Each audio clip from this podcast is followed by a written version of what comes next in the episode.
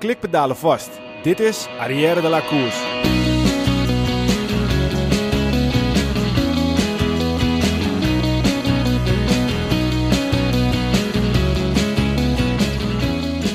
Was het een mooi jaar? Ja, het was een mooi jaar. Wonnen wij Hollanders veel? Ja, we wonnen veel. Of het nu om dameswielrennen ging of om mannenwielrennen, de Nederlandse vlag stond vaak bovenaan de uitslag. En wanneer hij niet bovenaan stond, dan stonden er wel een paar vlagjes in de top 10. Ook de Belgen hadden een prima jaar. Met de nieuwe helden als Van Aert en onze Remco Evenepoel mogen zijn handjes dichtklappen. De Nederlandse helden zijn ook nog lang niet moe en wij kijken uit naar de komende jaren. Want wat kunnen we nog lang genieten van Tommy, Van de Poel, Ome, enzovoort, enzovoort. Vandaag een kleine terugblik op een prachtig jaar. Leven het wielrennen.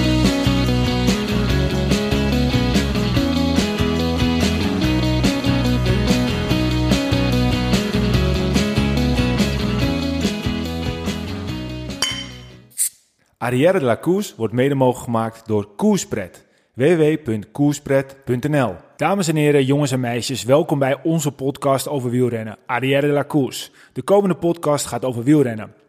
Besproken vanuit het oogpunt van drie wielergekken die alles volgen vanaf de bank, dicht voor de tv. Vandaag aflevering 33. Ik ben Michiel Beemster. Vandaag helaas niet aanwezig Wilco Kenten, maar uh, tegenover mij zit hij Peter Koning. Peter, zit je een beetje in de einde seizoensdip of, of valt het mee? Nou, valt mee. Ik ben redelijk weer het strand op en um, ik probeer nog wel wat bezig te blijven in de winter natuurlijk. Net als uh, alle beroepszenders een beetje nu de alternatieve dingen gaan doen. Maar uh, ja, ik maak wel plezier op het strand en uh, ik vind het ook leuk om te doen. Dus ik ben nog wel bezig.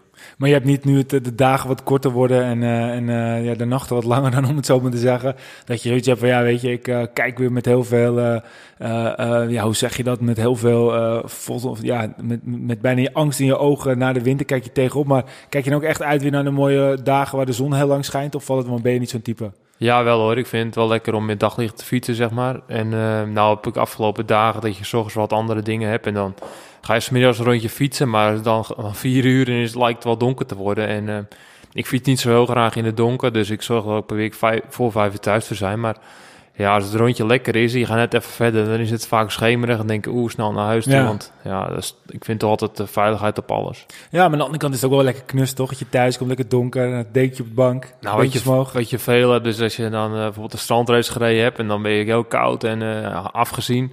En dat je dan thuis komt en dan ben je helemaal rozig en dan wordt het lekker warm huis. Oh, dat is, dat is eigenlijk niet beter. Ja, Hetzelfde met de trainingen op de zaterdag, dat je een lange rit gedaan hebt in, uh, met 0 graden bijvoorbeeld. Dat is nog niet, maar dat uh, gaan we straks wel krijgen. En dan dat je de rest van de dag eigenlijk zo gaar bent van uh, zo'n koude lange rit. Maar, ja. Ja, daar kijk ik ook eigenlijk wel stiekem een beetje naar uit. Ja, beetje dat kerstgevoel, lekker op de bank, kerstboom aan, beetjes ja. omhoog. Nou, weet je wel, grappig feitje is met uh, veel uh, wielrenners, die zeggen altijd in de zomer van, ah, ik verlang weer naar het lange trainen, weet je wel. En uh, nou is de winter er weer en zegt iedereen van, nou, ik verlang eigenlijk weer naar de koers. Dus het is altijd een beetje dat een na het ander. En uh, dat is nu ook zo, maar ik kijk wel uit naar die lange ritten. Dat vind ik wel leuk. Het is ook eigenlijk nooit goed, hè? Op het moment dat er ene is, dan kijken mensen alweer uit naar, uh, als het de hoogzomer is, kijken ze uit naar kerst. En als het kerst is, kijken ze alweer uit naar hoogzomer. Dus, Precies dat. Het zijn net mensen, die wielrenners. Ja, zeker weten. Hey, we zitten even zonder Wilco. Wilco die had uh, wat Sinterklaas-stress, dus die, uh, die was wat druk met uh, het een en ander. Nou ja, het ook, hij moet ook gewoon, we nemen een keertje overdag op, hij moet ook gewoon werken. Dus Wilco, het is je vergeven, jongen. Maar... ehm, nou ja, goed, dat, uh, dat maakt verder ook niet uit. We gaan vandaag eventjes terugkijken op het, op het wielerjaar 2019. Um, als je het nu een cijfer mag geven. We gaan even, nu, nu, het zit nu nog eventjes nog niet helemaal misschien in je geheugen. Uh, doe, geef nu een cijfer en als we straks hem behandeld hebben, geef je nog een keer een cijfer. Nou, ik heb denk ik wel een heel mooi seizoen gezien. Ik denk, um, nou, een 8 wel. Een 8? 8 tot 10, ja. Het, weet je, we hebben heel veel nieuwe dingen gezien. We hebben speciale dingen gezien, dingen die eigenlijk niet konden. En uh, ja, dat is natuurlijk al spectaculair. We hebben een beetje een verschuiving gezien dit jaar. Allemaal nieuwe dingen. We hebben crossers gezien, we hebben talenten gezien. We hebben nou renners die anders de winter ingaan. We hebben uh, renners gemist als Tom Dumoulin. Die heb ik toch al een paar keer gemist. En een Roglic die gewoon de, de nummer 1 misschien op de wereldranglijst is geworden. En ja, dat is gewoon een spectaculair seizoen geweest wel. Ja. Ja, ja en ook uh, wat ik net al in het begin een praatje zei, echt een seizoen met een hele grote Nederlandse uh, team daarin. En ja, dat is toch, maakt ons ook wel een beetje trots met ons Nederlandse hartje, toch? Zeker weten, ja. Hey, maar uh, laten we gauw gaan beginnen aan, het, aan het, de recap, om het zo maar even te zeggen, van seizoen 2020. Ik wil even beginnen met de dames. Um, nou ja, goed, het lijkt natuurlijk een seizoen wat volledig in het teken staat van Annemiek van Vleuten. En dat zou je ook gewoon zeggen, want die heeft naar mijn idee vooraf veruit het meeste gewonnen. Maar als je dan de wereldranglijst erbij pakt, wie denk je dat er dan eerste staat? Ah, volgens mij is het een good old force of niet? Nee, nee, nee, nee, het is niet goed. Potverdorie, daar zit ik al flink naast. Ja, nee, maar het is, het is eigenlijk uh, de nieuwe kid in town. Het is uh, Lorena Wiebes. Oh, de sprinter. Ja. ja, die hebben natuurlijk misschien heel veel uh, goede ereplaatsen gehaald. En waarmee heel veel punten pakken. En dan, ja, oké, zo maar. Dat had ik niet gedacht zelf. Nee, nee, inderdaad. En de, de laatste kwam er wat bij dat ze aan het steggelen was met de ploeg. En hoe, hoe nu verder? Maar uh, ja, dat is, dat is natuurlijk, ze is, zo jong en uh, ze is al zo goed. En als je dan ook uh, gaat kijken naar de wereldranglijst, dan is het Wiebes die eerste staat. En dan staat Vos tweede, wat ik overigens weer super knap vind naar een, een seizoen, of tenminste na meerdere seizoenen dat ze wat minder reed. Kwam natuurlijk laatste seizoen alweer een beetje op gang. Derde van Vleuten. En, en wie denk je dat daarna vierde staat? Zou dat weer een Nederlands zijn of komt er dan iemand tussendoor fietsen? Hmm. Zijn wel allemaal Nederlanders weer. We zien dat de hele tijd natuurlijk. Ja. Dus. Uh, ja, ik weet niet. Misschien wel Nieuwa Doma of zo. Nee, het is, uh, het is Marta Bastianelli. Die staat vierde. Uh, dus dat is eigenlijk de eerste niet-Nederlandse in de, in de top 10 na de eerste drie. Dan de nummer vijf is Anna van der Breggen. De nummer zes is Amy Pieters. Oh. De nummer zeven is inderdaad de, Kata, de Katarzyna Nieuwa Doma. Dan Amanda Spratt op nummer acht. Christina Madjeros dat is wel een redelijk uh, wat onbekende naam voor mij op nummer 9. En uh, Soraya Paladin op uh, nummer 10. En ja, goed. Dat heeft Amy Pieters ook een goed seizoen gehad. Hè? Die heeft ook veel punten. Ja, die heeft onder andere het EK gewonnen natuurlijk. En ja, weet je, dat is ook natuurlijk wel op dat moment voor haar een hele grote prijs. Ja, maar om top 10 te staan op de wereldranglijst moet je natuurlijk wel meerdere keren punten halen. En niet alleen op een EK. Nee, inderdaad. En kijk, ja, ik denk sowieso dat ene kant is het natuurlijk super, super uh, goed voor de Nederlandse wielrennen dat, uh, dat we allemaal zo hoog staan. Andere kant, het moet niet een beetje opgaan naar het schaatssyndroom, toch? Nou, dat is nog grappig. Ik heb ook tegen Emu gekoest, hè? wist je dat? Nee, nee, wist ik niet. Toen ik jeugdrenner was, toen uh, begon ik met fietsen in categorie 7. En ehm, toen had je altijd dat de meiden met de jongens mee mochten fietsen als ze een jaar oud waren. En ehm, Amy die koos ervoor om met dispensatie in dezelfde leeftijdscategorie te rijden. Dus die was uh, van mijn categorie en die was ook categorie 7. Okay. En daar zou ze met categorie 6 mee mogen doen, maar ze was de enige volgens mij die met categorie 7 ook meedeed. Ja. En uh, toen reed ze bij ons de peloton. En, en, en kon, kon, ze goed mee? Nou, ik moest soms wel flink uh, alle, alles bijzetten om te volgen. En hoe oud was je toen? Um, voor categorie 7, dan ben je 13, 14 jaar volgens mij. Oké, okay, nagaan, ja. ja. ja, ja. Dus ja, dat is wel grappig. Maar moeten we, ik vind gewoon, ik vind zelf mijn persoonlijke mening, we moeten gewoon super trots zijn over het feit dat, dat we zo goed zijn. En aan de andere kant moeten we lekker links laten liggen dat er uh, misschien niet zo heel veel buitenlanders in de top 10 staan, naast, sowieso al vijf Nederlanders. Maar aan de andere kant zou, zou het beter zijn voor het wielrennen dat er, dat er zo'n top 10 uit tien nationaliteiten zou bestaan? Of, of maakt dat niet zoveel uit in je ogen? Uh, mijn ogen maakt niet uit. Hè. We hebben die discussie natuurlijk altijd. En uh, nu heb je hem ook weer in het veld rijden. Ik zat van de week, lag ik uh, de cross te kijken en dan zag ik eerst de vrouw in kokzijde. En dan zie je dat de eerste vijf allemaal jonge dames en Lucinda Brand eigenlijk uit Nederland zijn. En dan uh, vraagt de Belgen ook van, hoe kan dit, weet je wel. Wij zijn het veldrijland en normaal moeten wij bij de eerste vijf rijden met vijf man en dit en dat. En ja, ik heb zoiets van, ja, Nederland is wel een echte fietsland. Die kinderen die worden opgegroeid met de fiets, die fietsen naar school en uh, ja. daar krijgen onbewust toch wel een beetje inhoud van. En als je dan een stap kan maken naar het wielrennen, dan heb je al een beetje een basis. En dat zie je bij heel veel meiden ook. Die uh, worden niet in de, in de watten gelegd. Die moeten ook gewoon in de regen op de fiets naar school bewijzen van. En ja, ja daar ligt al een heel grote basis in het wielrennen. En ja, je ziet gewoon dat in Nederland ook uh, de, het wordt gesteund hè, vanuit de media, de pers en ook uh, sponsoren die gewoon goed geld in de wielersport van de vrouwen stoppen. En in andere landen zal, is het, het iets minder zijn. En ja, dat is wel een beetje jammer. Maar zodra dat gaat komen, dan gaat natuurlijk ook uh, de breedte in. Ja, en onze samenleving is natuurlijk ook heel erg geënt op uh, gelijkwaardigheid. Je ziet natuurlijk in, in Nederland dat, uh, dat, dat mannen en vrouwen zo goed als, als, als gelijk zijn. Er zit hier en daar nog wel, natuurlijk wel wat verschillen in, in de salarissen. Er zijn august ook nog wat andere dingen. Um, maar dat zou ook wel een van de redenen zijn waarom de dames zo goed zijn als ze nu zijn. Aan de andere kant, ja, weet je, we hebben een hele goede lichting met, met, met mannen op dit moment. En ik denk dat we dat met de dames ook gewoon op dit moment hebben. Want er zijn natuurlijk ook wel tijden geweest Waar bijvoorbeeld Mirjam Melgers uh, een van de betere rensters was. Dat was natuurlijk helemaal geen verkeerde, hè? Laat, ik, laat ik dat uh, voorop stellen. Alleen nu zie je gewoon met een, met een Wiebes, met een Vos, Van Vleuten, Van de Breggen, een Pieters, een Brand, een Vollering, een Wild, een Van Dijk. Dat zijn gewoon de Nederlanders die in de top 25 staan. Ja, en dat zijn natuurlijk uh, eigenlijk allemaal klasbakken. En dan, dan, dan zou je eigenlijk zelfs nog een paar missen. Uh, zoals bijvoorbeeld uh, de wereldkampioen van, van Noorwegen. en, en, en, en van het WK in Noorwegen, uiteraard wat ik bedoel. En zo zijn er natuurlijk, Blaak was dat overigens, sorry. Ehm, zo zijn er natuurlijk nog tal van andere rensters die, die, die allemaal een wedstrijd kunnen winnen. En dat, dat maakt het wel heel erg speciaal. Hè? Ja, zeker. Dat, is, dat, dat zeg ik, het is fenomenaal. En Kijk, wij hebben in Nederland uh, met Boels gewoon uh, misschien wel de wereldbeste ploeg. En ja, dat is gewoon zonder dat die gaat verdwijnen als ze geen nieuwe sponsor vinden. En mede daardoor hebben we ook zo'n brede lichting, wat gewoon heel uh, succesvol is. En we hebben natuurlijk ook met Sunweb en andere teams hebben super goede top 5 van de ploegen komen wel Nederland vandaan. En ja, dat hoop ik dat het in de, in de toekomst ook een beetje mondiaal gaat, net als de andere, andere teams. Ja, nou ja, dat, dat is zeker waar. Kijk, nu is het op een gegeven moment zo dat, uh, ja, dat, dat, dat het idee is om, uh, om World... Of mis dat is niet echt een idee, maar het, is, het, ziet steeds vaak dat we de mannen World teams allemaal een damesploeg nemen.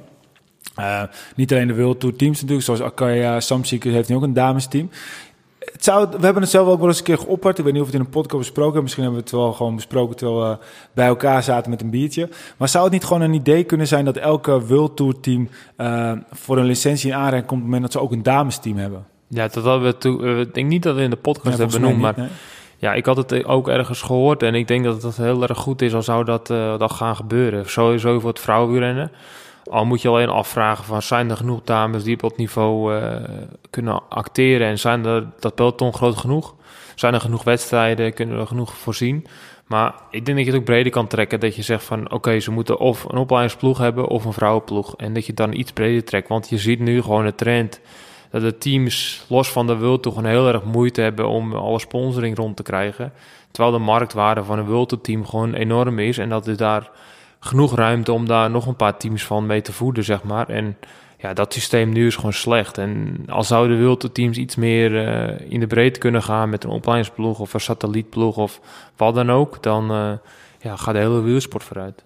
Ja, nee, daarom, dat bedoel ik. En uh, kijk, maar, maar, maar in de hele konst, we hebben wel eens vaker geklaagd over UC. Nou ja, op een gegeven moment zeiden mensen van jeetje, Mina, jullie zijn alleen maar het klagen over de UC. Nou, dat is absoluut niet uh, waar, vind ik. Want we zijn ook heel erg positief altijd over, uh, over wielrennen. Alleen wij vinden wel gewoon dat er op dit moment uh, gewoon heel veel dingen niet goed gaan. En ik vind dat je dat op een gegeven moment ook best wel mag benoemen. Uh, en um, dit zou wel iets zijn waarbij ze dat conservatisme van zich afschuiven en eens een keer um, progressief gaan denken. En wat je bijvoorbeeld ziet, dat je dan nu wel een World Tour koers voor de mannen in Saudi-Arabië komt, maar aan de andere kant is er eigenlijk straks nog steeds helemaal geen soort van Tour de France voor vrouwen, wordt het meer een soort van criterium.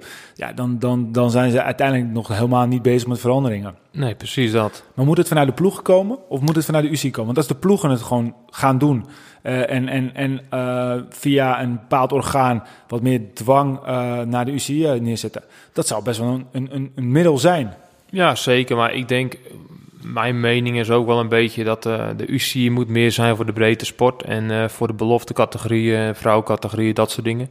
En dat er gewoon een losse organisatie moet zijn die het, uh, overneemt, een soort als bedrijf, bedrijfvoerende eh, orgaan is voor de, voor de World Tour. En daar zit allemaal wel goed. En de sponsoring zit goed en er is genoeg marketing om daar iets mee te verdienen. Maar als je vergelijkbaar maakt met voetbal, dan zijn het de toppers die het uiteindelijk gaan verdienen voor alle, alle clubs in, in Europa. En dat ja. zou naar het ook zo moeten zijn. Dat bijvoorbeeld de Sagan, de markt, marktwaarde van hem is zo verschrikkelijk groot. Eigenlijk zou ook een vrouwenploeg daar een graantje van mee moeten kunnen pikken. En ja.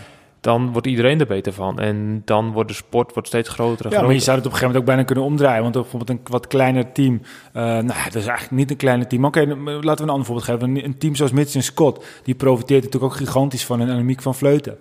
Ja. Uh, en, en aan de andere kant een team, zoals bijvoorbeeld uh, een wat kleiner team, noemen ze daarin. Uh, nou ja, nu zo'n Akea Samsung, dat wordt een groot team. Maar als ze dat dit jaar hadden en ze hadden bijvoorbeeld een Vos gehad als uit aan boord, weet je, dan kan het ook de andere kant op werken natuurlijk. Ja, maar kijk bijvoorbeeld een Jumbo. Ja. En Jumbo, die, die heeft gewoon de marktwaarde die Jumbo eruit haalt. De verschillende artikels zijn erover geweest.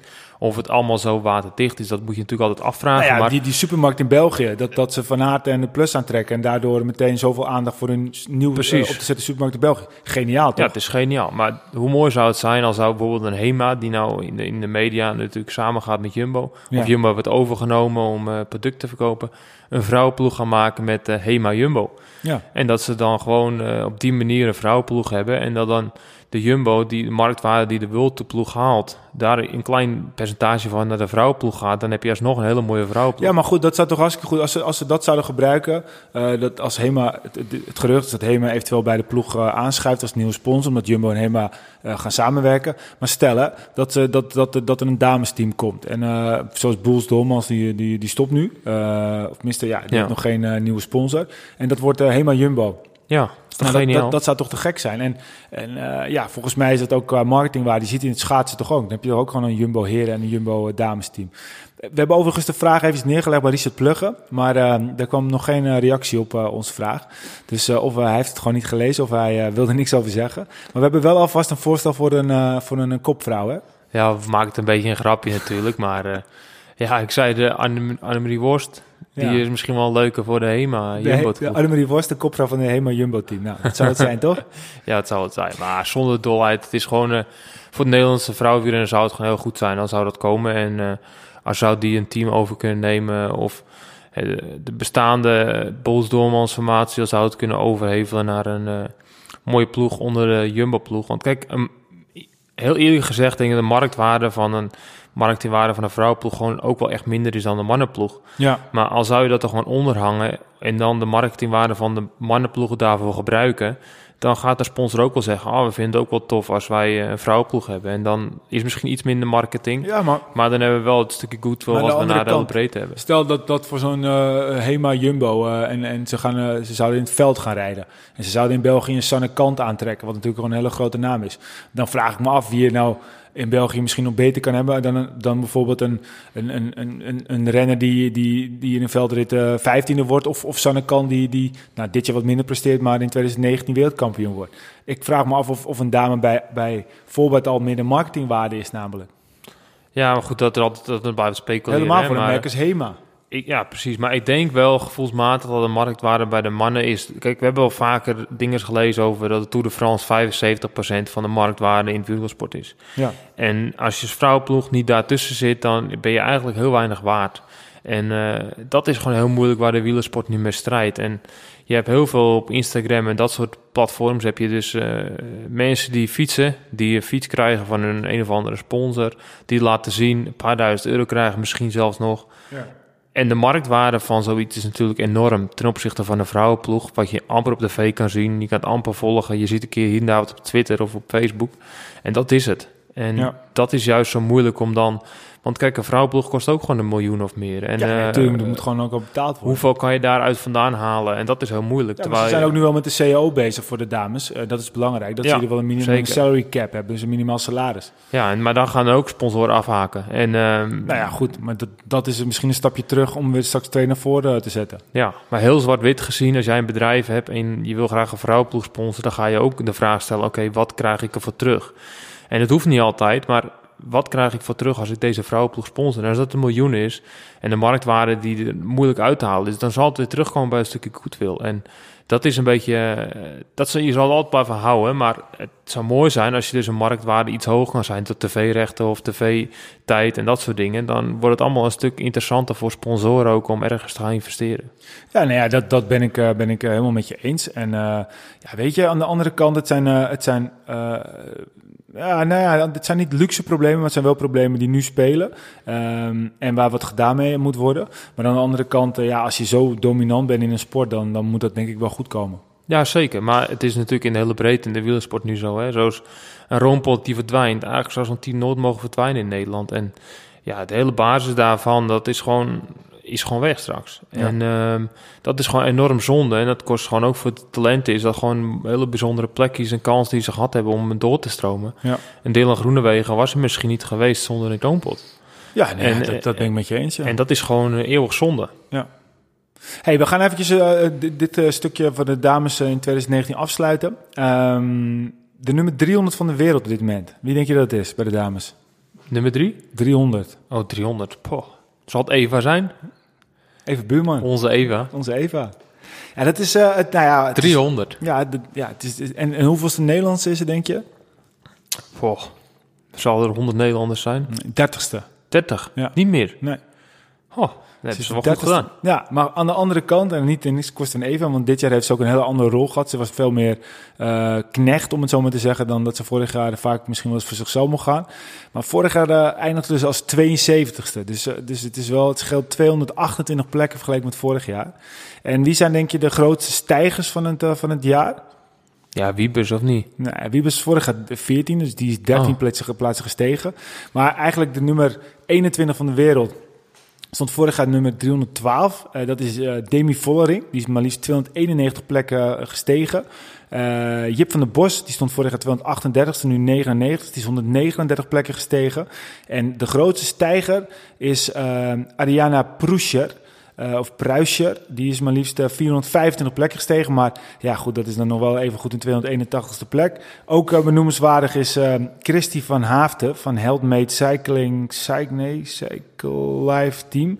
En die eh, staat nu eh, 173. Maar ja, goed, weet je wat ze in de neem. Maar aan de andere kant, ja, dat zijn misschien wel weer namen voor de toekomst. Ik had nog nooit gehoord van Christy van Haafden, maar eh, wie weet eh, dat we die naam volgend jaar vaker tegenkomen. Ja, leuk.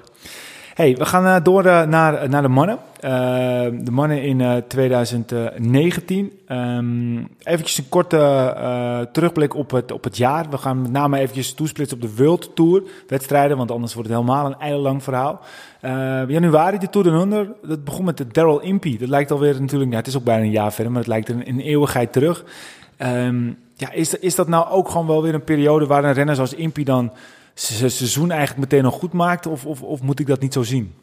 Nou, ik denk wel, voor, kijk, voor hun is Down Under heel erg belangrijk. Hè? We hebben het over de ploeg van uh, en Scott. Die daar gewoon uh, de thuiskoers rijdt van het jaar. En voor de hoofdsponsor is dat misschien wel naast de Tour de France de tweede belangrijkste koers bij wijze van. Uh, misschien wel voorop nog op de grote klassiekers. Dus alle druk bij Mitsen legt gewoon daar om daar goed te presteren. En je moet niet vergeten, die jongens komen aan de andere kant van de Evenaar vandaan. Dus Zuid-Afrika of Australië. Dus dit is daar zomer. Hun rijden eigenlijk vanaf zeg 1 december uh, al hun trainingsuren in de, in, de, in de zon. Terwijl ze hier uh, in de winter rijden. Dus dan heb je heel andere voorbereiding dan daar. Je kan makkelijke uren maken. Je kan een beetje beter zijn. Nationaal kampioenschappen zijn vaak al geweest in Australië. Dus ze hebben daar ook alweer een paar wedstrijden ervoor gedaan. Ze hebben de B-crits misschien gedaan. Dus dan hebben ze een heel andere voorbereiding dan sommige zeg, Europeanen die die kant op gaan. Tijdverschillen hebben, jetlag, uh, temperatuurverschillen. Als je hier min 10 traint, of in Spanje met 5 graden en je gaat daar, het is 40 graden. Ja, als je lichaam daar niet aan gewend is, dan presteer je misschien een paar procent minder, waardoor je niet meedoet met voor overwinning. Dus Daryl Impey, in mijn ogen, super goede koers gereden daar. Uh, het seizoen misschien wel goed gestart voor de ploeg, voor de sponsor vooral.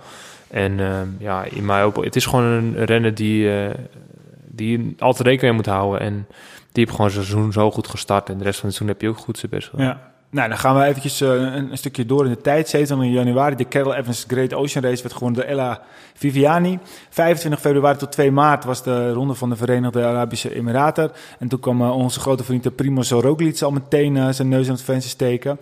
2 maart, de omloop het nieuwsblad, eigenlijk de opening van het, ja, het Europese wielerseizoen. En dat was Stibar. Stibar is dan toch echt zo'n renner. Hij wint eigenlijk dus gewoon een, World Tour wedstrijd. Maar ja, ik heb niet het idee dat hij uh, heel tevreden naar dit jaar terugkijkt. Nou, ik had wel eigenlijk meer verwacht na de, uh, van Nieuwsblad. Ik, had, ik zag hem daar ronddraaien. Ik denk, ah, dit gaat zijn jaar worden. Die gaat misschien wel een keer podium rijden in een echt grote koers. En misschien gaat hij wel een Vlaanderen of een Roubaix kunnen winnen. Maar ja, je ziet maar, het is niet makkelijk om vanaf de Nieuwsblad tot uh, Roubaix goed te zijn. En hij heeft de eerste gepakt en hij heeft er sowieso eentje. En een heleboel anderen kan dat niet zeggen. En ja, ik denk wel dat hij heeft er nog eentje gewonnen uiteindelijk. Toen, want hij won Ja, maar de niet- E3 Binkbank Classic. Dat is ook een wildtoerwedstrijd. Maar dat is allemaal wel in dezelfde maand. Dus hij wint eh, 22 eh, of 2 maart wint hij dan het Omloop Nieuwsblad. En 29 maart wint hij de E3 Binkbank Classic. Dat is dus voor hem een supergoeie maand. En ik, normaal, elke renner zou natuurlijk wel daar heel tevreden mee zijn. Maar zou hij tevreden zijn met eigenlijk... Hij is een maand goed... Hij is al langer goed geweest. Maar hij is een maand on target geweest, om het zo maar te zeggen. Ja, maar je verwacht van Stibar sowieso, kijk je afgelopen jaren, dat hij ooit een keer zo'n grote koers gaat winnen als Roubaix of Vlaanderen. En na Nieuwsblad Tuurlijk heb je E3 ook gewonnen. Dat is natuurlijk super knap. Maar ik had echt wel verwacht dat hij misschien uh, grote... Een ronde van Vlaanderen zou Ja, ronde van Vlaanderen of, of Parijs-Roubaix. Ja. En ja, dat is natuurlijk lang en moeilijk. En kan van zoveel dingen afhangen. En ehm, ja, helaas voor hem dat hij het niet is gelukt. Maar ja, zo zie je maar, eh fietsen is niet zo heel makkelijk. En eh, het is wel makkelijk gezegd dan gedaan. Maar je hebt gewoon, hij heeft gewoon heel goed seizoen gehad. Maar toch een stukje maar Ja. van, ja, je had het een keer zo gegund. En ook misschien wel verwacht. Ja, en ik, ik had er sowieso voor getekend hoor. Maar dat is een typisch zo rennen, dat viel me op. En eh denk van ja, weet je, zou hij dan eh, tevreden zijn om... eh, ja, hij wint twee Vultenwedstrijden. Hij moet wel tevreden zijn, maar zal er niet toch wel wat meer ingezeten hebben. Dan eh, gaan we naar eh 9 maart, Stade Bians. Uh, Julian Alaphilippe. 10 tot 17 maart Parijs-Nice. Eh, de eerste keer dat Egon eh, Bernal eh, liet zien dat hij dit jaar ja, eigenlijk misschien wel de beste ronderenner is. Eh 13 tot 19 maart die Tirreno Adriatico met Primoz Roglic. Voor mij het secondenwerk met Adam Yates. Hè, dat hij een seconde in die tijd het uiteindelijk hem, hem klopte. Dat was wel een van de... Ja, goed, een kleine koers, maar een van de, van de, van de wat hoogtepunten op het gebied van hoe close iets kan zijn. Dan Mila, Milan Sanremo, ja, hij bleef daar verbazen. Julian Alaphilippe ehm wint daar de sprint. Ehm, de ronde van Catalonië met eh, Miguel Angel Lopez. En dat is dan ook weer zo'n renner die wint dan de ronde van Catalonië. Ehm, maar uiteindelijk weet je dan nog steeds niet of hij, of hij ook gewoon een grote ronde kan winnen. En dit lijkt nou net echt een renner die dat nooit zou gaan doen. Het zou zomaar kunnen, ja. Maar goed, het kan ook zomaar zijn dat hij net als Quintana wel een keer wat wint... en dat hij eigenlijk helemaal niet gevoel heeft bij een grote rondewinnaar. En ehm, ja, Lopez is altijd een goede outsider en zodra geklommen wordt... maar hij lijkt altijd wel iets tegen te hebben en eh, zijn tijd is niet altijd best. Dus hij zal redelijk wel, eh vooral die tijd, het kilometers... maar om iets terug te gaan naar uh, Alaphilippe... die heeft natuurlijk wel echt het voorjaar gekleurd. Hè? Die reed die week in Italië, eh, vloog hier een beetje en... eh, ja, daar heb ik wel echt van genoten. En ja, ik vond het een heel mooi voorjaar. Ja. Dan, dan, dan 27 maart. eh Dylan Groenewegen, die zijn eerste grote koers van het jaar wint. De driedaagse Brugge de Pannen. Wat ik nog steeds een beetje bizar vind. Want eh, die driedaagse die, eh, is, die wordt op één dag eh, gehouden, om het zo maar eventjes te, te zeggen. Dat, ja, dat past dan de naam aan. Maar goed, dat even terzijde. Dan net al benoemd Stibar die de E3 Bing Bang Classic wint. Dan Christophe Gent-Wevergem. Daar leek al Van de Poel de eerste grote wedstrijd te winnen op de weg. Daar, daar kwam hij net nog wat tekort. Maar eh, ja, niet veel later, 3 april, eh, was het eh, voor Van de Poel raak in eh dwars Vlaanderen. Ehm, ja, ik zou dan toch altijd zeggen, is dat dan dwars Vlaanderen, is dat dan een World Tour koers? Hij, wordt nu gezien als het hoogste, op het hoogste niveau.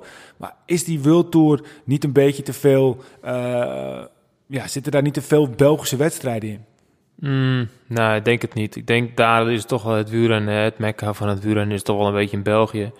En ehm, ik denk wel juist dat dat soort wedstrijden, het was de Vlaanderen, is echt een mooie koers, echt een zware koers ook. Dus iets minder kilometers, dus je kan andere winnaars, andere renners naar voren zien. Maar over het algemeen is het wel een mooie voorbode naar de ronde toe. En ehm, ja, het leeft daar gewoon. Hè. En voor mij is altijd nog een beetje verschil tussen eh, een wilde en een monument. En ehm, Ja, precies. zodra in mijn ogen alle goede renners er zijn, dan mag het voor mij een World koers noemen. En als er allemaal kleinere teams zijn, dan wordt het automatisch een iets mindere koers. En ik vind dwars de Vlaanderen hoort er gewoon tussen. Ja, nou ja, duidelijk. En da- dan 7 april, de hoogmis, de Ronde van Vlaanderen. Daar hebben we natuurlijk al heel veel over gezegd. Alberto, Alberto eh, Bettiol. Dan 8 tot 13 april de Ronde van het Baskeland. Dat was John Isagire. Dat was ik eigenlijk alweer totaal vergeten dat die een, dus een World Tour eh, heeft gewonnen in, eh, in 2019. Ja, nou precies. Dat, Ion Isagir is precies zo'n renner die eigenlijk altijd heel veel punten scoort als je een wielenpoeltje maakt of dat soort dingen.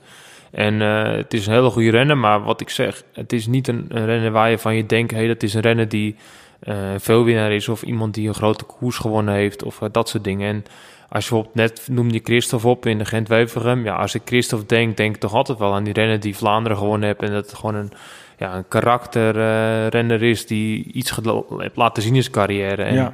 dat heb ik nog niet bij, bij een ironische kier. En Nee, maar, maar hij wint toch weer eh, dan een, eh, toch wel een, een, een redelijk... eh, ja, de Ronde van Baskeland is niet, win je niet zomaar even. vind je niet zomaar. Nee. Dan eh Parijs-Roubaix, Philippe Gilbert. Ja, nou ja, goed. het, lijkt, het lijkt elk jaar weer... Het lijkt wat minder te worden bij maar elk jaar pakt hij toch wel weer eh, zijn grote dingen. Ja, Ik ben, ik ben benieuwd hoe het volgend jaar bij Lotto Soudal gaat doen. Ik ben ook heel benieuwd, eerlijk gezegd. Ik hoop wel dat hij gewoon weer eh, zich laat zien. En dat voor Lotte Soudal zou het ook mooi zijn als een keer eh, net weer een mooie grote koers zouden winnen. Maar goed, Gilbert is ook zo'n renner waar je gewoon denkt van... Heb je hoop respect voor. Klasbak, puur zang. Laat zien dat hij hard kan fietsen. En een verdiende winnaar in Roubaix. Ja, en dan eigenlijk uh, de, ja, toch wel als je in het rijtje namen ziet, zijn allemaal, allemaal klasbakken. En een stuk voor stuk denk je, ja, dat zijn toch echt, echt grote jongens die, die die wedstrijden winnen. Maar dan vind ik toch Felix Grooschartner, die de Ronde van Turkije wint, vind ik toch, vind ik toch een, een andere naam in het rijtje. Het is geen, natuurlijk geen verkeerde renner, maar zegt het dan meer over de Ronde van Turkije of, of onderschat ik uh, Felix? Nou, er is natuurlijk hoop om gedaan hè, in de Ronde van Turkije, waar sommige wildrenners liever niet naartoe gaan voor de veiligheid. Wat ik aan de ene kant wel snap met de dingen die ik meegemaakt heb en de verhalen die ik in de podcast verteld heb. Maar goed, uh, dat is gewoon een koers die een wildtoestatus hebt. Wat ik wel goed vind, dat er niet alleen in, wat je net had het over België, dat daar alle wildkoers zijn. Dat er ook eens een, een land is die een wildkoers mag organiseren, wat niet een land is waar je het verwacht. En ik hoop dat dat in de toekomst ook zo zal zijn. Dat er bijvoorbeeld een koers in Argentinië of een ander land, dat er daar een keer een wildtoer, echt een wildkoers komt. Ja, en, dat lijkt me een goed idee, ja. Uh, Tour of Azerbaijan bijvoorbeeld, of uh, weet je wel, dat soort koers, dat er een keer iets anders is dan... Uh, Niet per se in de woestijn, maar juist plekken, bijvoorbeeld een Afrikaanse koers, waar tenminste heel veel toeschouwers op afkomen. Ja, bijvoorbeeld Zuid-Afrika heb je een supermooie land waar je echt een mooie koers kunt Zambia, Namibië, wat is het ook alweer... Ja. ja, goed, waar de, de, de eindbaas Pro Cycling steeds heel Rwanda, Rwanda, ja, dat zou wel kunnen zijn, ja. Ja, dat, is, dat, dat zijn wel koersen die dan, ja, dan kan je afvragen, uh, moet er dan een, een, een ronde van uh, Jinchi in of, of, of zo'n ronde met zoveel toeschouwers? Ja, het kan allebei, hè. Dus uh, ik, ik pleit wel voor om gewoon wijze van elk jaar drie andere landen te kiezen om daar een ja. te hosten. En ja, dan maak ik de mondialisering van het wielrennen een beetje, een beetje groter. Nou ja, maar kies dan wel landen waar veel toeschouwers bij afkomen. Dat zou, dat zou mooi zijn. Um, ehm, 21 april, Mathieu van der Poel in uh, de Amsterdam Gold Race. Nou, die dag zullen we nooit meer vergeten, maar hebben we ook al uitgebreid besproken. Um, ja, nou, ongelooflijk. 24 april de Waalse Pijl met uh, Julian Alaphilippe. Dan 28 april Luik Bastenaken Luik met de bijna vallende Jacob uh, Vogelsang. Toch ook knap, hè? Vogelsang die uh, ja, toch Luik Bastenaken Luik en een criterium Dauphiné wint. Um, ja, dan ben je toch echt ook wel een hele, hele sterke renner. Dan 30 april tot 5 mei de Ronde van Romandie met Primoz Roglic ja, ik heb een beetje een dubbel gevoel bij, die, bij dat rondje. Want ik heb toch het idee dat als hij dat niet had gedaan, dat hij misschien dan wel eens ook de Giro had kunnen winnen. Zeker, en ik heb het al opgenoemd natuurlijk tijdens de Giro volgens mij in vlakken voor dat dat misschien wel uh, iets lang zou duren. En ja, dat bleek ook wel dat het gewoon. Je ziet maar weer hoe lang het, hoe moeilijk het is om die spanningsboog zo gespannen te houden. Vooral over een aantal weken. Als een, met een koers erin van een paar weken is het gewoon echt, echt heel moeilijk. En ja, mensen weten dat je goed bent, dus het wordt een beetje naar je gekeken. Je wordt gedragen, je wordt geleefd, je wordt in de media benoemd. Het alles bij elkaar is misschien weer een man die niet helemaal goed geweest. En um, dat is een mooi leerproces. En hij heeft laten zien dat hij dat ook uh, andersom kan. En dat hij het uh, wel kan winnen. En uh, ja, we gaan in de toekomst nog heel veel van zien. Ja. Dan 1 mei, Esborn Frankfurt. Ja, ik vind het nog steeds een hele... Jij hebt ooit een keer in die kopgroep gezeten daar bij die koers, hè? Nog ja. heel, tot heel lang, en diep in de finale zelfs. Ja, klopt. Toen heette het wel anders, toch? Ja, Frankfurt, Esborn. Ja, maar wat is de oorspronkelijke naam van die koers? Um, ja, 1 mei-prijs, geloof ik. Het is iets met de uh, dag van de. Het heeft niks te maken met rondom, rondom Koelen of zo? Nee, rondom is een andere koers. Ja. Maar ik vind de Esborn Frankfurt, ja, het zegt me helemaal niks. Nou, Frankfurt is gewoon een koers rond Frankfurt en het gaat naar een, uh, een heuvelachtig uh, gebied waar echt, echt heel mooie streken is om te fietsen. En ik heb daar meerdere keren gereden als belofte zijn en in de profkoers. En uh, ik heb twee, ik heb één of twee keer sprintprijs daar gewonnen. Ja, ik, het ligt me wel daar. Het is een beetje vergelijken met de Ardennen, misschien iets lastiger. Ja. Iets minder stijl wel, maar wel een paar keer echt een stijl klimmetje erin. En ja, ik voel me gewoon daar ook wel een beetje thuis op die wegen. Brede wegen, snel, lastig, afzien, lange ja. koers, slecht weer altijd. Of tenminste ja. een paar keer. Dus ja, ik vind het wel een mooie koers. En um, vaak een sprint, dat is dan wel weer jammer. Maar dat komt puur omdat Frankfurt eigenlijk uh, net, net te ver is van die heuvelstreek. Ja, het is precies. 50 kilometer vlak naar de finish en dan er wordt eerst alles op een hoop gereden en dan komt alles weer terug. En uh, ja, dat is op de ene kant wel een beetje jammer, want als zou je finishen in dat heuvelachtige gebied, dan krijg je een winnaar als uh, in de ronde van ja. uh, luik bastenaken bijvoorbeeld. Ja, ik snap hem. Hij werd gewonnen door Pascal Akkerman. Dan de ronde van Italië, nou, uitgebreid besproken. Carapaz, de ronde van Californië, Tadej Pogacar. de criterium du Dauphiné, Jacob Vogelsang. De ronde van Zwitserland, Egan Bernal. En de ronde van Frankrijk ook Egan Bernal. Ja, ja, dan wordt er hier en daar wel gezegd wie is de renner van het jaar. Ehm, ik eh, vind iemand anders een de renner van het jaar. Maar Bernal, als je de, en de Tour wint en eh, de Ronde van Zwitserland en dan ook nog eens eventjes tussendoor Parijs-Nice. Ja, het zijn slechtere jaren. Ja, dit is, weet je, het is zo knap wat hij laat zien. Maar het is heel raar. We hebben, eh, gevoelsmatig hoort hij eigenlijk ook te winnen. Het is niet eens meer een... Het is wel een beetje natuurlijk een verrassing. Hij komt pas net kijken. Ja, Maar het is wel een beetje een geboren winnaar. En het wordt al een klein beetje van hem verwacht. En het is niet een beetje vanuit het niks. En dat is Nee. wel een beetje... Ja, aan de ene kant jammer natuurlijk. Maar aan de andere kant gaan we... eh, Hebben we gewoon dat al verwacht eigenlijk. En dat is een beetje raar. zou je niet gaan nomineren de komende vijf jaar, tien jaar? Ja, je weet natuurlijk nooit. Hè. Er kan echt van alles gebeuren. En eh, je ziet met al die jonge gasten die ook durven te koersen als uh, Pogacar en dat soort jongens, dat, dat ze ook gaan koersen tegen hem. En ik hoop dat als hij, als hij echt goed is, dan is hij moeilijk te kloppen. Hij heeft een goede tijdrit, hij is goed bergop, hij misschien wel de beste bergop dit jaar van allemaal. Ja, dan moet je gewoon op een andere manier dat gaan doen. En eh, als een Roglic en een Pogacar en dat soort jongens iets meer eh, met elkaar gaan koersen tegen, tegen hem, dan zal hij heel moeilijk krijgen om een grote ronde te winnen. Ja. Ja, nee, ja, dat ben ik eh, helemaal met je eens. Dan de klassieker San Sebastian. De grote doorbraak van onze Remco Evenepoel. Ehm, de Ronde van Polen met Pavel Sivakov. Nou, de Ronde van Polen heeft natuurlijk een zwarte doek over het wielrennen gelegd in 2019. Ehm, ja, hij werd wel natuurlijk gewonnen en dat was de, de Rus. Ehm, de Rijd Londen Classic op 4 augustus, Elia Viviani. Dan 12 tot en met 18 augustus. En dat vind ik eigenlijk, ja, dat vind ik nog steeds heel leuk. De Big Bok Tour en dat die dan werd gewonnen door Laurens de Plus.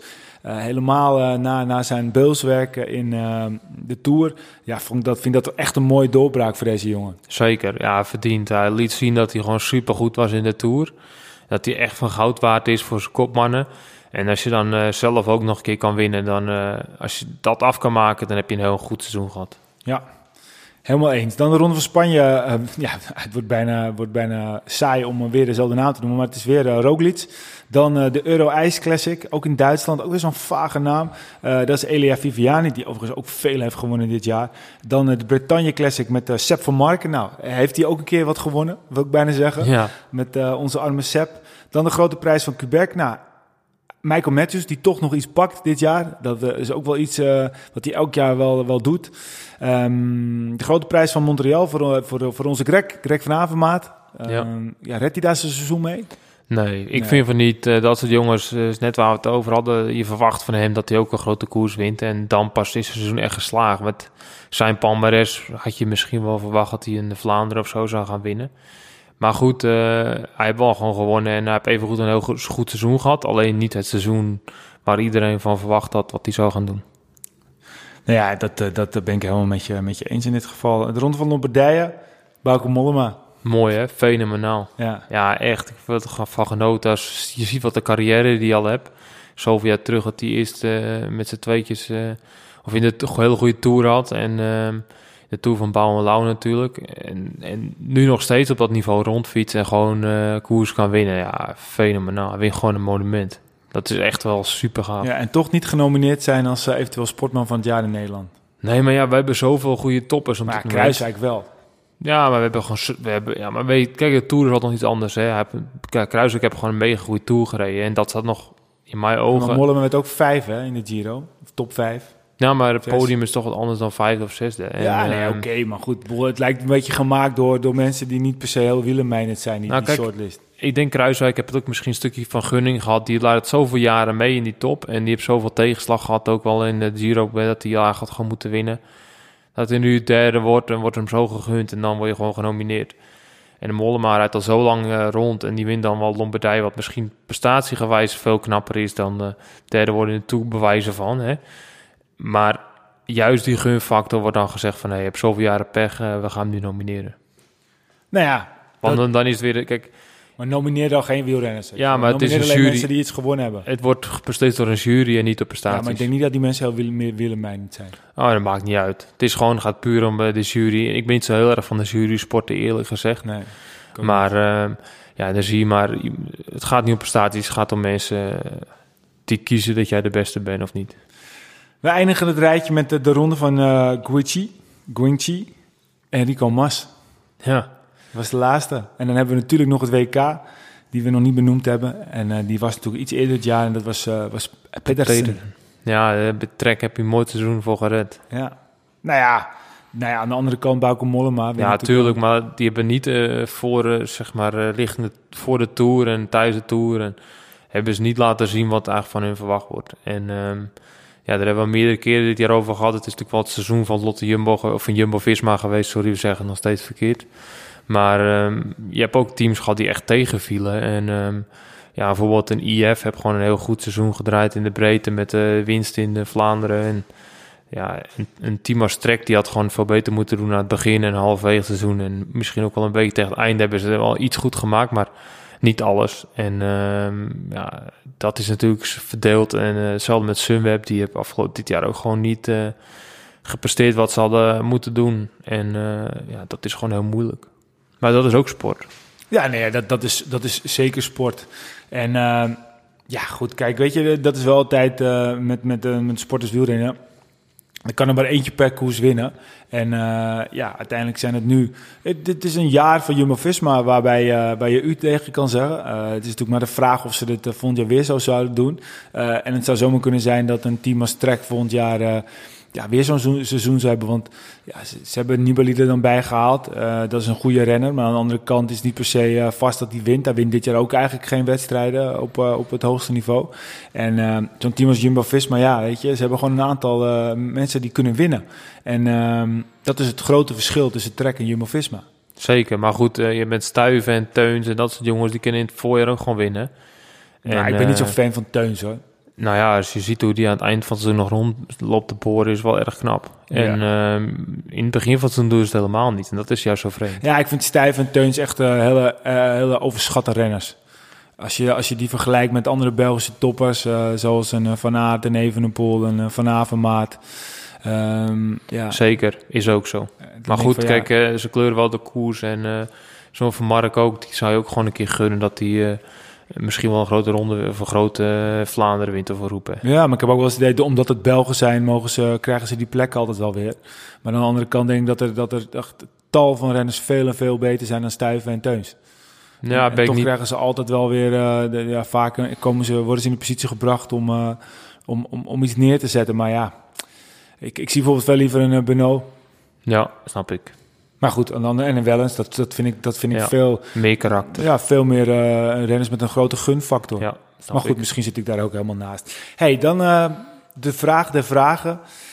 Jouw renner van het jaar bij de mannen en de vrouwen. Ja, Van der Poel, hè. Ik vind het toch wel een beetje... Het is Nederland natuurlijk. En uh, wat die hebt laten zien dit jaar is gewoon weer fenomenaal. Maar ook om, ondanks dat hij maar eigenlijk één grote uh, koers wint in, in 2019, toch de renner van het jaar. Ja, maar goed, wat hij laat zien is eigenlijk wel fenomenaal. Hè? Zowel uh, multidisciplinair, dus op alle disciplines laat hij zien wat hij... Dat is, dat is nooit, eigenlijk de laatste jaar hebben we er nog nooit gezien. Dat is super, super knap. We hebben al een van Aerten die een beetje een vergelijkbare move doet, zonder het mountainbiken dan. Ja. We hebben gezien wat hij in Amsterdam Gold Race doet. Niemand, iedereen had gehoopt, maar niemand had verwacht. Helemaal niet meer op de manier waarop. Dat hebben we misschien wel de mooiste koers in de laatste tien jaar geweest. Um, daarnaast heb je gewoon laten zien dat hij met de favoriete rol op zijn schouders gewoon kan presteren en blijft presteren. En wat, wat hij laat zien is echt, is echt fenomenaal. En um, misschien niet het, wat jij zegt, het palmares en de punten, net als alle anderen. Maar wat hij heeft laten zien, dat gaan we de komende jaren nog, nog over spreken. Ja, maar uh, dat, dat, dat, dat ben ik helemaal met je eens. Maar aan de andere kant, gaan we eventjes over naar mijn renner van het jaar. Dan doen we straks de dames. Dat is uh, Primoz Roglic. Is dat, dat is dan, puur qua uitslag, heeft hij toch veel meer neergezet dan een Van der Poel. Ja, maar Ook ik, al is het multidisciplinair uh, uh, en, en tal van andere argumenten waar ik helemaal met je eens ben. Maar Roglic, die heeft bijna alles gewonnen waar hij, waar hij fietste. ja, maar dit is... Kijk, Van der Poel heb dit jaar laten zien, vooral als Nederlander zijnde... een prestatie waarover je twintig jaar nog steeds zegt... weet je nog, toen Van der Poel dat en dat en dat deed. En dat is een voorbeeld ook wat we zeggen. Een Gerry Kneteman die over de finish komt met tranen in zijn ogen. Dat weet iedereen ook nog steeds. Maar de jaren daarna, de, de winnaars kan bijna niemand meer opnoemen. Puur omdat het moment zo speciaal was. Was niet alleen de overwinning, maar de hele beleving eromheen was zo, was zo speciaal. En dat gaan we nu met Van der Poel over 20 en nog zeggen. Weet je nog wat Van der Poel de laatste kilometer zo huis hield? Dit en dat en dat. En dan is dit moment... Jij bent meer gewoon als, indruk van het jaar. Maar puur qua Ja, maar- prestatie. Dat is ook een prestatie. Want eh, als jij met zoveel druk rondfietst, is dat wel echt een prestatie van, van wereldklasse. En ik heb al eerder al genoemd, hij heeft het spelletje uitgespeeld. En eh, dat heb je misschien wel gedaan. Ja, oké. nou ja, goed. Ik, eh, wat dat betreft ben ik het ook helemaal met je eens. En, en qua, de, qua dames... Nou ja, Annemiek van Vleuten, wat die heeft weer laten zien met, met zo'n blessure het seizoen ingaan. Met zoveel eh, karakter, hard getraind, met de mannen mee, grote wedstrijden gewonnen. Wereldkampioen, solo waar je eigenlijk eh petje af. Fenomenaal wat, wat, wat die laten zien. Dat is echt, echt van ongekend nou, dat ben ik ook echt helemaal met je eens. Alleen ja, ik ga niet dezelfde naam kiezen puur omdat we niet twee keer dezelfde Ja, zouden zeggen. Dat hebben we afgesproken. Anders had ik ook zeker van Vleuten gezegd. Maar ik heb gekozen dan, eh, dan eh, ja, goede nummer twee, om het zo maar te zeggen. En dat is Wiebes. Ehm, dat is nou typisch zo'n... Het gaat altijd over Van de Poel. Maar aan de andere kant Wiebes, eh, wat die allemaal heeft gedaan en wat die allemaal heeft gewonnen. Ehm dus ook al de, de, ja, wat we net al zeiden, ze heeft het jaar als nummer één afgesloten. Eh, dan ben je eigenlijk in mijn ogen gewoon eh, dat jaar de beste wielrenster over, het, eh, over de hele periode geweest. En ehm, ja, ik, ik, ik, ik heb ook geen idee waar het bij haar eindigt. Want, want ze is sterk, ze kan veel, ze kan in een klein klimmetje kan ze opknallen. Ze kan natuurlijk goed aankomen, want ze is echt een, echt een sprintertje. Ehm, dus ik, vind, ik vond dit echt haar jaar. En haar doorbraak misschien definitief, al was dat misschien 2018 al een beetje. Maar eh, ja, ik denk dat we daar nog heel veel plezier van gaan hebben als Nederlands zijn. ja, ik ben benieuwd waar ze naartoe gaat. Hè? Want is nog Hema, steeds- Hema Jumbo gaat ze. Ja, het zou mooi zijn. Ik denk dat als dat zou gebeuren, dat het echt een super goede move is van Ja. eh, Jumbo. Nou ja, dan als stel als hij daarheen gaat en je hebt Van der Breggen en Blaak... en dan heb je toch wel een mooi team Ja. om mee te Het is starten. weer onklopbaar. Ja, ja, en dan, eh, dan een kern omheen met een Jip van der Bos en eh Eva Buurman eventueel en nog wat andere eh, meiden die gewoon eh, dat kunnen ondersteunen. Nou, volgens mij heb je dan echt een, eh, een prima, prima team en een hele goede marketingwaarde. Zeker weten, ja, heel goed. Dan, wat, wat, zijn- wat doe nog even, we hebben natuurlijk altijd de beste renners, maar wat zijn nou renners die, die op een bepaalde manier net daaronder echt bizar veel indruk hebben gemaakt? Nou, eh, ik denk toch wel een uh, voor mij, dat hij dit jaar eh, een doorbraakjaar heeft. Zo jong, zoveel talent. Echt, het, hij heeft het lef om te koersen. Hij durft aan te vallen op momenten waar niemand eigenlijk verwacht dat hij aanvalt. En dan nog stand houden ook. Hij heeft natuurlijk een Vuelta gereden, echt van, op een heel hoog niveau op zo'n jonge leeftijd. Ik had niet gedacht dat hij überhaupt hem uit zou gaan rijden. Ik had gedacht dat hij mee zou doen een tijdje en dan uit zou stappen.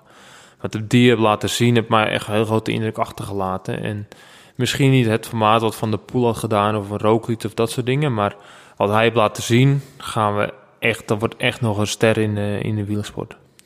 Ja, nou ja, dat kan ik ook alleen maar eh, volledig met je eens zijn. Ehm, ja, weet je, aan de andere Kijk, kant... ik vind het vooral mooi dat ze durven te koersen. Hè. En afgelopen jaar hebben we gezien dat het soms een beetje terughoudend is geweest. En nu zijn er die jongens die op een moment durven aan te vallen waar het eigenlijk niet kan. Dat ze een Van der Poel die aangaat in de Amsterdam Gold Race op een plek op de Gulpen Berg... waar iedereen denkt, ja, dat is veel te vroeg. eh, waarom ga je zo nu al...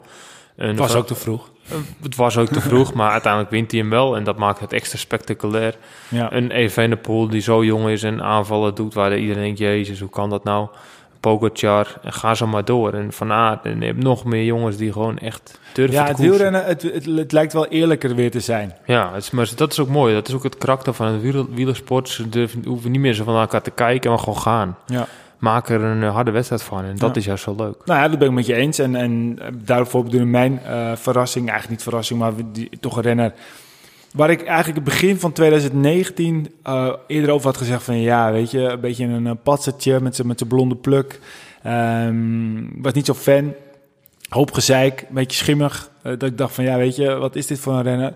Maar als er één renner is die in 2019 mijn hart heeft veroverd, mijn wielerhartje harder heeft doen kloppen, dan is het Wout van Aert geweest. Want ja, die jongen die kon in één keer alles. Die kon tijdritten winnen. eh, die kon eh, massasprints winnen. Eh, hij won bijna Parijs-Roubaix als hij niet zo bizar veel pech heeft gehad. gehad. En net als Van der Poel, eh, wat Van der Poel op het WK had, had had Van Aert misschien wel een keer tien Parijs-Roubaix. Ja. Dat hij helemaal kapot ging. Ja. Ehm, ja, we hebben toen een situatie gehad dat eh, we door, de, volgens mij was het eh Bastian Galja, die, die zei van ja, waarom zeggen jullie in godsnaam dat die gasten, als ze op de grond gaan liggen, dat dat eh, ehm, een soort van show is. dat was ook omdat Van der Poel en Van Aert voor ons uh, ook misschien wat meer een beetje de showboys waren destijds, dat we dat dachten. Maar aan de andere kant, die gasten kunnen gewoon zo bizar diep gaan, dat waarbij een renner A uh, diep gaat, uh, waarbij uh, Van Aert en, en Van der Poel nog tien keer zo diep kunnen gaan, lijkt wel. Waardoor ze wel moeten liggen naast een fiets op het moment dat ze binnenkomen. Ja, goed, ik geloof er nog steeds in.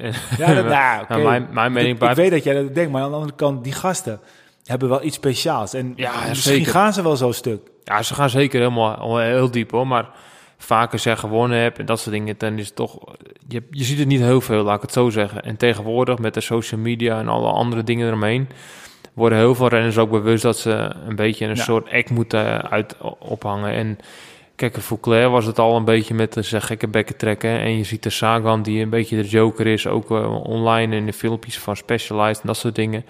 En je ziet het ook eh, een alle verliep die dan eh, op social media zit te zingen in de auto na een overwinning bijvoorbeeld. En ja, ze weten dat ze een beetje gek moeten doen. En Misschien deden ze dat vroeger ook wel, want er waren de mediums eh, natuurlijk nou, niet. dat kan, dat kan zeker. En dat is een beetje vergelijking in mijn ogen naar de finish dat je op de grond gaat leggen, net doen of je zo naar de kloten zit. Kijk, met Van der Poel in de Amsterdam Gold Race was het misschien wel echt, echt dat hij Ja, helemaal tot Aert in, eh, la- in, in, eh, In was het ook zo, maar je hebt ook renners gezien een paar keer en dan denk ik van ja, kom op, eh, dit hebben we afgelopen jaar nooit gezien. Nou ja, maar dat is, jij dat, nu is, dat is kopiegedrag natuurlijk. wel? Ja.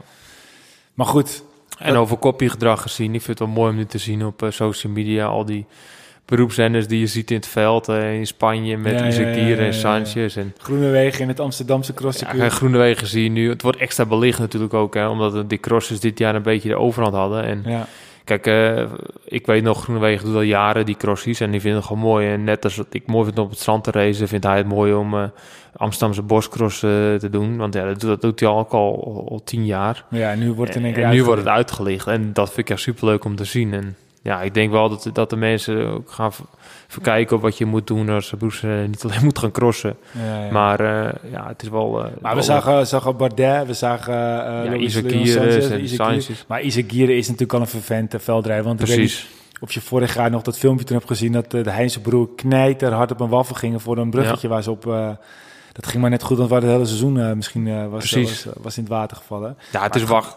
Het is wacht tot we een banaal op de crossfiets zien, zien nou of zo ja, van Vroom. En dan nog, misschien doet hij dat al wel ergens in Colombia. Ja. En eh, ja, kijk, eh, het, het lijkt me bijvoorbeeld met die strandrace, wat, wat wij dan dan wat intenser volgen. ehm, ook omdat, eh, nou goed, we natuurlijk die koerspretactie hebben gedaan samen met de organisatie. MTB Strandrace en, en Buff. Dat was hartstikke leuk. Maar daardoor is ons oog wel nog meer gericht op een strandrace. En ja, je ziet daar toch ook wel steeds meer renners bij komen. Het is wel grappig dat bijvoorbeeld zo'n Johnny Hogeland, die is natuurlijk al gestopt. Maar dat die dan, dat die nu eigenlijk, ja, hij is, ik heb het idee dat hij een van de betere op dit moment is. ja, hij rijdt echt hard En hoor. dat is toch wel weer Dus- frappant, vind ik dan. Dat, dat dan, er rijden heel veel profrenners rond, wegprofrenners.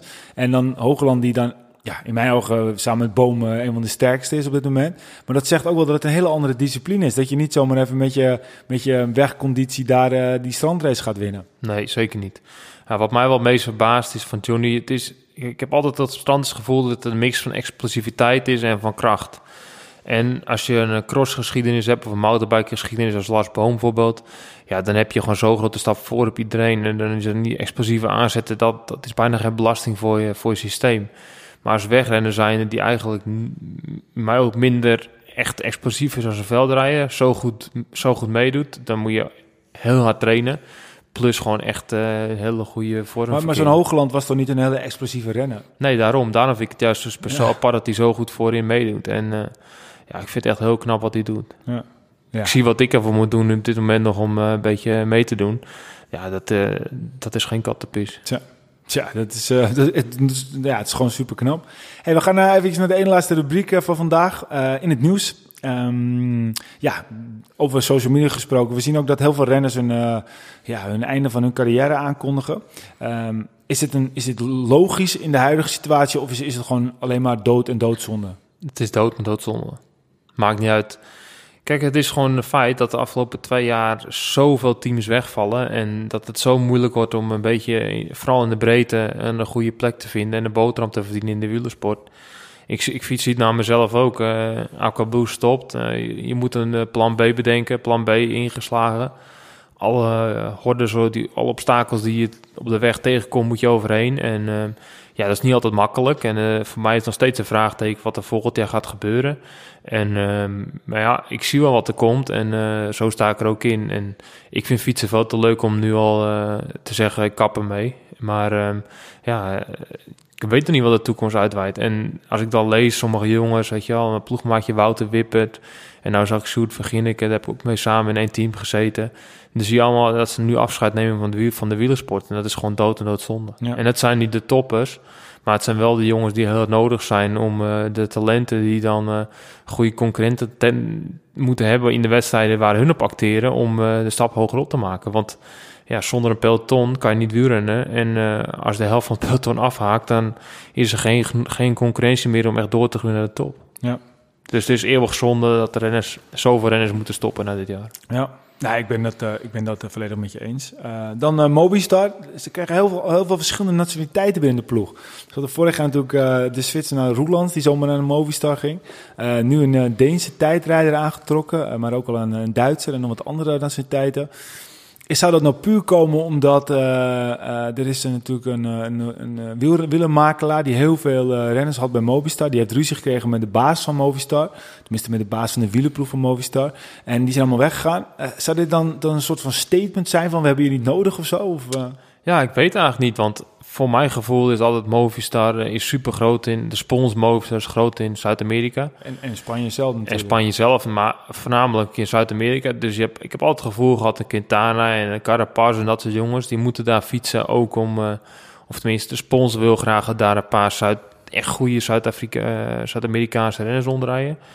En ja, die gaan nu weg. Dus ja, dat in mijn opzicht uh, wordt dat niet opgevuld met een, een Lopez bijvoorbeeld of dat soort uh, kaliber jongens. Dus ja, ik ben heel benieuwd waar, uh, waar dat naartoe gaat. Ze hebben natuurlijk met Mars hebben ze natuurlijk een talent die het potentie heeft om heel goed te doen in de grote rondes. Maar ja, die moet wel nog steeds een stap maken. Ze hebben natuurlijk Soler die afgelopen jaren goed aan de weg timmerde. En ehm, ja, ze hebben ook wel een beetje door laten schemeren dat ze met uh, Roelands meer de Vlaamse werk op willen gaan. En ja, ik ben wel benieuwd uh, wat die ploeg volgend jaar gaat doen. Ja, het viel me op. Ik denk, uh, ben benieuwd hoe jij erover denkt. Dan uh, de regelgeving in de e-sport. Dus dat zijn de Swift-platforms onder ons. Um, ja, dat is ook wel terecht, denk ik. Hè. Het wordt steeds serieuzer. En er zijn heel veel mensen die, die, die andere wattages trappen... omdat ze gewoon hun gewicht of iets anders niet helemaal goed instellen. Ja, het is natuurlijk heel makkelijk om daar een klein beetje mee te frauderen. Hè. Want als jij iets ander gewicht intypt, dan ga je opeens veel harder. En ik heb het zelf al vaak genoeg meegemaakt dat ik voorbij word geknald als ik uh, zelf 4, 5, 450 watt zit te trappen voor een paar minuten en dat er nog gasten voorbij komen sprinten. Dan denk je van echt, ja, dit kan nooit. En dan weet je gewoon dat iemand uh, eh, 30 kilo heeft ingevuld terwijl hij 90 kilo is bijvoorbeeld. Ja, ja, dus dat is goed dat daar regelgeving komt. Maar goed, uh, het is nog steeds moeilijk om te hanteren natuurlijk. Hè. Dus als het echt een wedstrijddeelname is, zal er bijvoorbeeld een gecalibreerde weegschaal moeten koppelen, bijvoorbeeld zoiets. Ja, precies. Kan dat niet in die fiets gewoon meteen... Ja, is moeilijk, want als jij iets zwaarder fietser, dan tel je ook niet. Maar ze zullen wel iets uh, bedacht hebben dat je een weegschaal communiceert met je home trainer of dat soort dingen. En Zwift heeft zelfs al een, uh, een soort doping orgaan, hè? het ZADA, in plaats van het WADA. Ja, dat is lachen. Ja, het is echt een leuke community, hè. En uh, je moet niet vergeten, kijk, Zwift, die heeft zo'n grote inkomstenbron met dat programma. En ja, dat vind ik super interessant om te volgen op een kleine afstand. Want ik denk wel dat dat is de toekomst van het wielrennen. En um, niet per se dat de wedstrijden op Zwift moeten gaan, gaan komen, maar wel het geld. En uh, ik denk echt dat je ook Swift gaat zien in, uh, in de real life wedstrijden, zeg maar. Ja, nou ja, dat denk ik, uh, dat denk ik ook. En ik denk op een gegeven moment ook dat het uh, gewoon heel simpel op, op misschien wel op tv ook uitgezenden gaat worden, uitgezonden gaat worden. En dat, dat, ja, op zich is dat gewoon de toekomst, zie je ook met andere sporten. Maar ja, regelgeving is daarin gewoon heel belangrijk en dat moet wel eerlijk blijven. Dan um, Gerard Bellini de Giro in 2020. Nee, Want het, uh, het, project uh, van e-Powers is on hold gezet. Hongaars project. Ja, ik heb al één keer... Ik vind het niet zo jammer hoor. Ik heb er wat over gehoord tijdens de Ronde van Hongarije... dat het allemaal te sprake was, dat er een team zou komen, bla bla bla. Heel verhaal natuurlijk. En net zoals alle, alle goede verhalen moeten eerst maar zien voordat wat gaat komen. En um, het is onwijs moeilijk om sponsorgelden te vinden tegenwoordig. Dus ja, ik had dan niet echt als dat echt een project zou zijn, hadden ze een paar grote namen moeten hebben. En die hebben ze nooit gehad. En um, ja, toen wist ik eigenlijk wel van dit gaat niet, uh, gaat niet worden. Nee, ja, goed, zo'n Rebellin, ja, weet je, dan heb je al zo'n negatieve naam aan je plakken. Ik weet niet of dat nou ook zo, zo positief zou zijn, om het zo maar eventjes te benoemen. Ehm, dan het, uh, het, uh, ja, het, het laatste nieuwsberichtje alweer. Sorry. Um, we hebben het over gehad over de renners die genomineerd waren voor de Sportman van het jaar. Maar Jumbo-Visma kan ook het sportploeg van het jaar worden in Nederland. Ik denk terecht. Tenminste, ja. ik ben wielrennen fan natuurlijk. Dus ja, dan is het makkelijk om een wielerploeg te kiezen. Maar ik vind wel uh, wat hun hebben laten zien met uh, de middelen die ze hebben. En vooral ook de ontwikkeling de afgelopen jaren naar dit jaar toe. Vind ik wel dat, je, dat ze bij de beste ploegen mogen worden. Ik denk dat ze het ook zomaar zouden kunnen worden. Ik zou het heel, heel mooi vinden. Is misschien Ajax ook genomineerd? Het zou kunnen, ja. Denk ik het. Hebben natuurlijk een heel grote achterban, hè, wat uh, heel veel stemmen gaat opleveren. Nou, stemmen hoeft in principe niet, want het zijn natuurlijk gewoon de mensen in de zaal. Ja, oké, okay, maar goed, dat telt sowieso mee, hè, want uh, mensen in de zaal zijn ook fan. Dat, dat is ook waar, een beetje achterban, maar ja, goed, uh, ik zou het mooi vinden als Jumbo zou winnen. Ik zou het ook mooi vinden, maar ja, daarom hebben wij ook een wielenhartje. Hè? Precies. Hey, het laatste woord, um, want we zitten alweer, uh, ondanks dat Wilco is, toch alweer uh, dik naar het uur toe. Dus we blijven ook weer lekker lullen. Um, koerspretje. het gaat goed met koerspret. we maken best wel stappen. Het wordt bijna een beetje, een beetje professioneel. Ik bedoel, die hele hobby die, die gaat een beetje de verkeerde kant, om het zo maar te zeggen. Maar wel positief natuurlijk. Uh, we kunnen binnenkort uh, weer uh, heel wat nieuws bekendmaken. Zelfs niet heel speciaals, wat we in het begin van het jaar niet hadden durven dromen. Maar ja, goed, zo snel kan het soms gaan. Um, en we gaan een grote fles koerspet weggeven voortaan in elke podcast. En ja, we hebben, Peter heeft er een leuke prijsvraag voor bedacht. En um, hij noemt wat dingen op. En jullie moeten dan als het ware de renner ehm, ja, zoeken waar het over gaat. Ja, ik vond het wel leuk om wat, wat te bedenken. Wat leuk is, een beetje, ja, een beetje mensen het laten betrekken bij onze podcast. En uh, ja, we gaan wel leuke prijsvragen in het leven roepen. Ja, en mensen kunnen reageren via Twitter, Facebook en Instagram. Stuur ons gewoon even een persoonlijk berichtje. En uh, de winnaar uh, krijgt een uh, grote fles koerspet thuisgestuurd. Die kan genieten van een koerspet blond. Ja, we zijn op de prijsvraag. We zijn op zoek naar een renner die 13 jaar beroepsrenner is geweest. Met de grootste twee zegens, twee etappen overwinning in de Vuelta. That's it. That's it. Ik kan wel zeggen hoeveel hij heeft 37 overwinningen, profoverwinningen op pro cycling staat. Ja. En het is, uh, ja, we weten niet of het een Nederlandse renner is of een uh, buitenlandse renner. Of is het een Nederlandse renner of is dat, heb je dat, ga je dat niet vertellen? Zullen we vertellen? Ja, dat doen we niet. Nee, doen we niet. Nee, doen we niet. Nee, nee. Laat ze maar een beetje meedenken, ja. dat is wel leuk. Ja, dus het is een, een renner. Uh, twee overwinningen in de Ronde van Spanje. Ja, dat zijn al twee belangrijkste zegers. Ja, en uh, ja, goed. Uh, wil je een fles koerspret winnen, dan uh, stuur ze naam even via een persoonberichtje op Twitter, Facebook of Instagram. Wil je zelf natuurlijk koerspret proeven, dat kan dat nog steeds. en dat kan nog de komende 40 jaar gaan we nu vanuit. Dat kan via www.koerspret.nl. Dan kan je blond bestellen, maar we hebben ook sinds kort koerspret triple. Je kan ze ook samen bestellen, dus kijk even op de website www.koerspret.nl. Dan... Um, heb ik nog een vraag eigenlijk. Ik vraag me af hoe het strandweer zich verder gaat ontwikkelen. Um, want ik ben nu een aantal keer geweest. Ik vind het heel leuk. Ik vind het ook leuk dat zoveel goede renners uh, uh, rondrijden. Dat ze, dat heel eibaar zijn, om het zo maar te zeggen. Alleen, ik vind altijd dat je het heel moeilijk kan volgen op het moment als jij niet zelf in de koers zit. Um, ik heb bijvoorbeeld ook totaal nooit een idee waar jij rijdt. Dan kom je na een paar keer langs en de eerste keer denk ik, kijk, hij zit helemaal vooraan. En dan op een gegeven moment is je fiets weer stuk, want dat gebeurt altijd bijna bij jou in de strandrace. en dan, dan, ja, ik heb op een gegeven moment totaal geen idee meer van wat er nu allemaal gebeurt. Uh, en ik vraag me af, kan dat niet makkelijker worden gemaakt voor de volger? Is er iets van een, een camera op een helm uh, uh, of, of, of een betere tijdwaarneming? Dat moet toch lukken, want, want volgens mij hebben ze wel redelijk goud in handen met die strandraces. Ja, zeker. Het is natuurlijk een super mooi concept. Hè. Het is super toegankelijk. Je kan er zeker Jan meedoen met de Het is super mooi. Het, het, gevoel op het strand is ook anders dan op de weg of in het bos. Maar ja, wat je zegt, dat is een punt wat heel moeilijk is om uh, dat te doen. En ze hebben geprobeerd met verschillende livestreams om dat te streamen.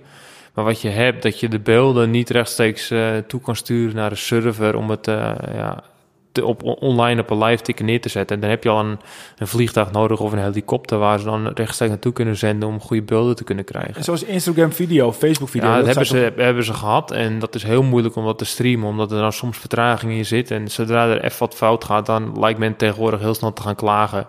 En uh, ze hebben bij MTB Beach Race, dus de ja. organisator van de Hoek van Onderhelde, hebben ze het geprobeerd. En ja, het blijft gewoon heel moeilijk om het te realiseren. Maar ja, ik denk dat technieken die gaat ook steeds verder. En eh, zodra het ook blijft groeien, dan zal er ook de financiële mogelijkheden zijn om dat naartoe te gaan. En je ziet elke strandrace die probeert weer eh, nieuwe dingen uit. En zoals afgelopen weekend in Wijk en Zee, dan hebben ze een, iets kleiner rondje gehad. Maar dan na twee, drie rondjes, dan kom je ja, met alle respect iets mindere renners tegen, de recreanten zeg maar.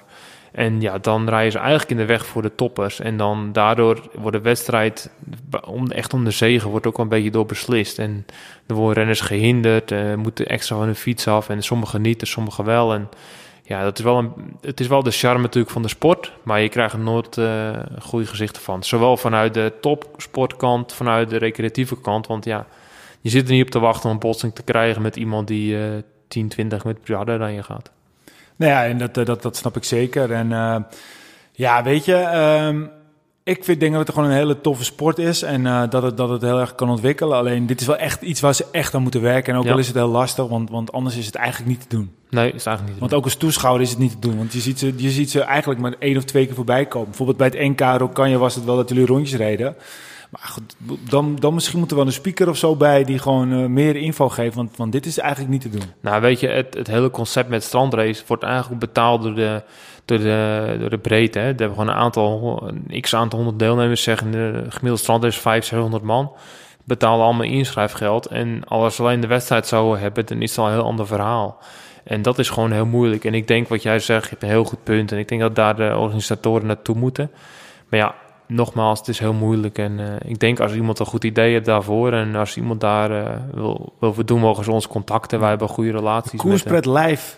Beach Race Television. Ja, zoiets. Dat zou wel cool wezen. Maar ja, als iemand niet, daar... We moeten niet te hard, want als we net zoals, net zoals het bier gaan, dan gebeurt het ook, ook straks. Hè? Ja, nee, maar ja, het zal wel mooi zijn als dat gaat lukken. Maar als iemand een goede tip hebt om dat, dat uh, beter te maken, laat maar komen. Ja. Dan, ik Pas heb genoeg, door naar Ja, we hebben goed, goede contacten met bepaalde strandraces en ja, ze vragen ook naar onze mening. Dus als wij daar op die manier uh, ja. een steentje bij kunnen dragen, zou het misschien wel... Ja, nou ja, misschien uh, bij elke renner gewoon een, een, ja, een camera op zijn helm. Dat in ieder geval dat ze daar tussen kunnen switchen. Ja, maar dat, dat is heel moeilijk om dat te streamen naar, naar een centrale zendmast. Misschien moet je dat op een auto zetten die je dan doorstreamt naar een plek, naar, naar de start-finish toe of zo. Ja, het zou wel mooi zijn. Ja.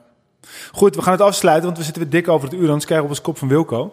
Um, Peter, laatste woord. Ja, voor wel leuk. Hè? Was dit tijd? Ja, we hebben, we hebben hem wel gemist, Wilco. Ja, tuurlijk. Ja? Ik hoop dat hij mooie cadeaus krijgt van Sinterklaas. Ja, hij heeft hoop stress, geloof ik. Goed, dames en heren, bedankt voor het luisteren. Volg ons op Facebook, www.facebook.com slash Twitter, at en dan hoofdletter C.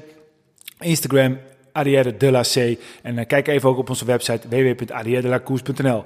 En willen jullie ons te gekke wielerbier bestellen? Dat kan natuurlijk via www.koerspret.nl. Dank voor het luisteren en tot de volgende Arrière de la Cours!